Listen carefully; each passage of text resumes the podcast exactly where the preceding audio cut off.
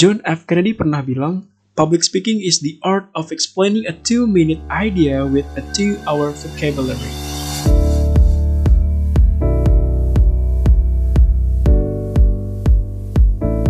Assalamualaikum warahmatullahi wabarakatuh. Sohib sohibah semuanya. Apa kabar? Hari ini hari Tarwiyah. Semoga bisa mendatangkan hati yang bahagia. Asik ya. PPKM diperpanjang.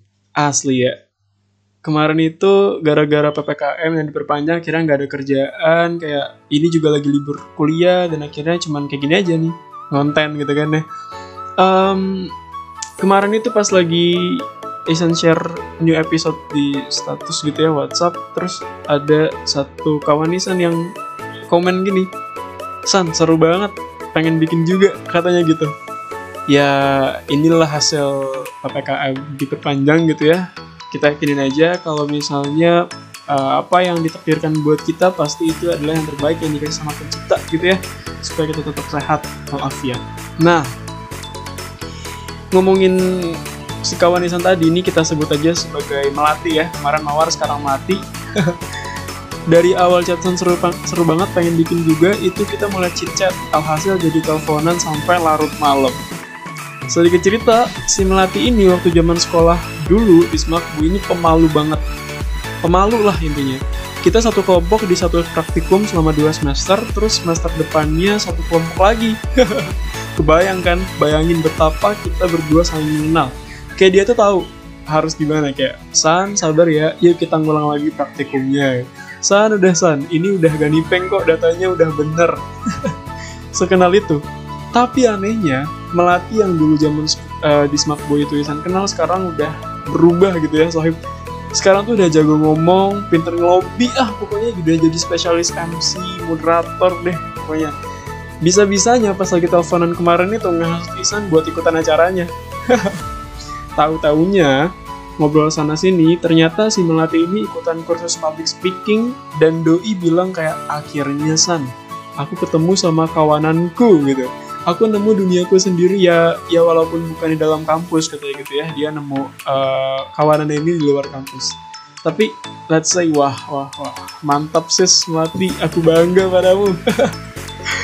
Si melati ini udah menguasai betul mentalitasnya menjadi public speaker.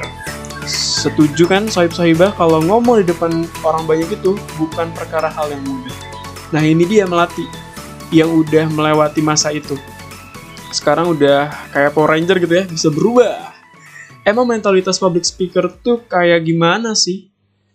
Seperti biasa, sebelum kita bercerita tentang public speaker mentality gitu ya, atau mentalitas public speaking, kita akan dengerin dulu ada lagu buat Sohib Sohibah ini dari Mbak Maudi yang baru aja lulus dari Stanford University. Biar semangat mengejar mimpi nih. Ini dia Maudi Ayunda dengan Kejar Mimpi. Andaikan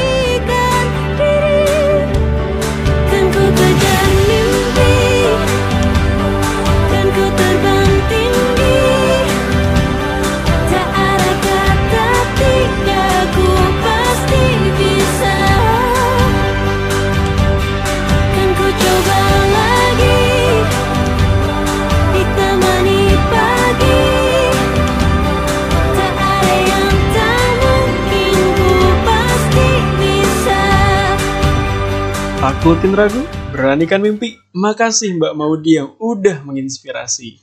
Mbak Maudi ini punya mental yang ajaib buat mengejar mimpinya. Kadang mental ini, nggak kadang ya, tapi mentalnya emang dibutuhkan gitu ya di banyak hal. Buat mengejar mimpi, menghadapi banyak orang yang bosi, bahkan buat ngomong di depan orang banyak pun kita butuh mental. Kalau kata Bang Raden Hanif ya, trainer public speaker ini sebelum kita tampil katanya kita harus punya mental yang baik. Soalnya, public speaking ini bukan cuma perbacotan belaka, tapi juga mentalitas. Penelitian juga bilang kalau 85% orang sukses karirnya itu karena didorong oleh kemampuan public speakingnya. Ya, di sini sebuah tanda kalau kita bisa mengutarakan ide kepada orang lain melalui public speaking.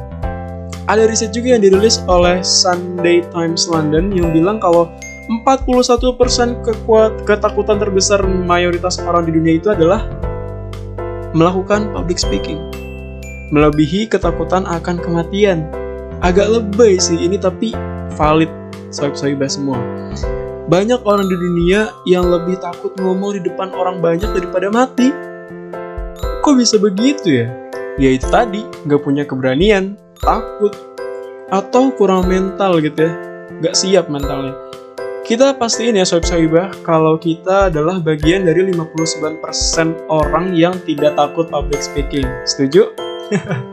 Amin. John Asraf juga pernah riset nih, katanya sampai usia 18 tahun, informasi positif dan optimis, artinya kata-kata you can gitu ya, masuk melalui indera manusia sebanyak 5.000 kali. Sedangkan informasi negatif dan pesimis, you cannot, itu masuk sebanyak 150 ribu kali. Artinya, informasi negatif yang pesimis kita lebih sering dengar gitu ya, dan muncul 30 kali lebih banyak daripada optimisnya kita. Nah, buat eh, menangani hal tersebut gitu ya, mungkin ada beberapa hal yang bisa menyebabkan kita jadi takut atau gugup gak mau gitu ya atau mentally down buat melakukan public speaking karena satu kurang persiapan kedua nggak paham sama kontennya gitu ya bukan dihafalin tapi dipahamin sebetulnya kontennya. Yang ketiga terlalu overthinking kalau kalau nanti begini gimana begitu gimana gitu ya. Atau yang keempat kurang jam terbang. Nah ini nih poin keempat kurang jam terbang. Yang kadang jadi bikin kita mikir ah ya udahlah nggak usah gue kan nggak ah, gue nggak akan bisa gitu kan. Gue bukan public speaking gue nggak akan bisa. Padahal mah cobain aja dulu. Makin sering tampil makin biasa kita ngomong di depan umum. Yang penting tuh mau aja kalau diminta. Terus bangun personal branding deh yang kece gitu kan di depan orang banyak. Nah gimana dong biar kita bisa siap ngomong gitu ya? Ini ada rumus 4E 4E ya ingat. Yang pertama earn the right kita harus lurusin niat. Saat sohibah tuh ngomong di depan umum mau ngomongin apa? Yang kedua explain easily. Jelasin pakai bahasa yang mudah dan sesuai sama audiensnya. Kalau audiensnya anak-anak ya kita ngomong pakai bahasa anak-anak gitu ya. Yang ketiga energy and antusiasme gitu ya. Kita harus punya energi sama antusiasme yang tinggi buat ngobrol gitu yang keempat enjoy the show. Nah enjoy aja gitu. You're gonna be fine speaking in front of others gitu. Keep it santuy. Emang pas lagi ngomong itu nggak boleh sembarangan sih. Makanya kita harus punya mindset nih. Untuk jadi public speaker yang baik gitu ya. Ada lima mindset nih sohib-sohibah Uh, kita singkat marilah kita singkat jadi coach. C yang pertama ya itu adalah center. Kita harus ingat kalau kita di depan orang banyak pasti kita nyentrik jadi pusat perhatian. Kalau misalnya kebalikannya, berarti ada yang salah. Entah penampilan kita, entah cara ngomongnya, atau ya yang dilihat ada sesuatu fokus yang menggagalkan mereka untuk fokus kepada kita gitu ya. Nyentrik ini kita usahakan karena kualitas pembicaraan yang baik, bukan yang lain-lainnya. Yang kedua, oh, open atau terbuka. Ini kita wajib menerima masukan dari audiens ya, supaya audiensnya juga merasa dihargai. Yang ketiga, aware ya, huruf A. Ya sadar aja gitu, misalnya audiensnya kelihatan bosan, berarti kita butuh something fresh gitu, atau kita gini lagi obrolannya biar nggak bosan. Kalau misalnya butuh uh, ice breaking ya ice breaking lah sedikit-sedikit gitu. Yang keempat adalah huruf C. connected. Ini kita harus terhubung antara audiens sama kita yang lagi ngobrol gitu ya. Eh, kalau misalnya kelihatan si audiensnya bosen, ya ajaklah interaksi gitu kan. Tadi kayak tadi juga bisa ice breaking. Atau minimal di awal-awal itu nanya kabar gitu ya. Atau bisa juga kalau misalnya di Q&A ajak berpendapat itu bisa. Dan yakini kalau kita ngomong dari hati itu pasti nyampe ke hati juga. Dan yang terakhir lima itu adalah huruf H atau hold. Kita harus genggam erat nilai-nilai positif. Kayak misalnya audiensnya bisa dipuji gitu ya dengan statement yang oke. Misalnya ini udah pada cantik-cantik dan ganteng-ganteng gitu ya. Nah itu bisa jadi sumber energi buat kita dan audiensnya juga. Itu tadi gimana kita mindsetin public speaker yang bagus gitu ya coach. C O A C H gitu ya. Nah semoga kita bisa mindful pas public speaking ya sohib sohibah oh iya sohib sohibah ada research juga nih dari Albert Mehrabian yang katanya untuk memaksimalkan kemampuan public speaking kita bisa pakai 3V atau tiga huruf V. Apa itu? Yang pertama adalah verbal atau kemampuan berbahasa kita. Pakai bahasa yang pas gitu ya kalau audiensnya tadi anak-anak kayak kita pakai bahasa anak-anak kalau formal ya formal. Yang kedua adalah vokal, suara, intonasi gitu ya. Yang ketiga adalah visual, ini good looking. Katanya not only your mouth can talk, but also your body language. Kita bisa pakai gestur, kontak mata, atau micro expression, atau mungkin the power of hand gitu ya. Supaya obrolan kita tuh uh, maksimal gitu ketika public speaking. Nah, itu deh. Ada beberapa hal yang bisa jadi uh, gangguan gitu ya pas lagi public speaking dan Tadi Isan udah sharing tentang rumus 4E, kemudian ada rumus coach, dan juga rumus 3V. Nah gitu deh intinya, mentalitas public speaking yang Isan bisa share. Si Melati ini, yang zaman SMK suka malu-malu, sekarang tampil di mana-mana. Ini juga jadi bikin Isan terdorong buat sharing tentang public speaking yang pernah Isan dapetin gitu ya. Walaupun beberapa kali Isan pernah menjadi keynote speaker di acara kampus ataupun sekolah, moderator iya, MC iya, tapi bukan berarti Isan tuh udah good enough in public speaking. Kadang juga masih suka belepotan sama kayak di podcast ini. ya nggak apa-apa lah ya. Kalau sohib-sohibah punya kritik ataupun saran bisa banget just tell me lewat DM atau lewat sosial media yang teman-teman tahu. Bareng-bareng kita bisa belajar walaupun banyak ragu. Kita mulai aja dulu. Kalau gagal ya cobain lagi. Karena yakin perlahan kita bisa. Berani aja dulu. Cocok banget sama lagu yang dipopulerin sama Saikoji dan Meridiana ini. Check this out, Saikoji featuring Meridiana with Saya Pasti Bisa. Dadah saya semuanya.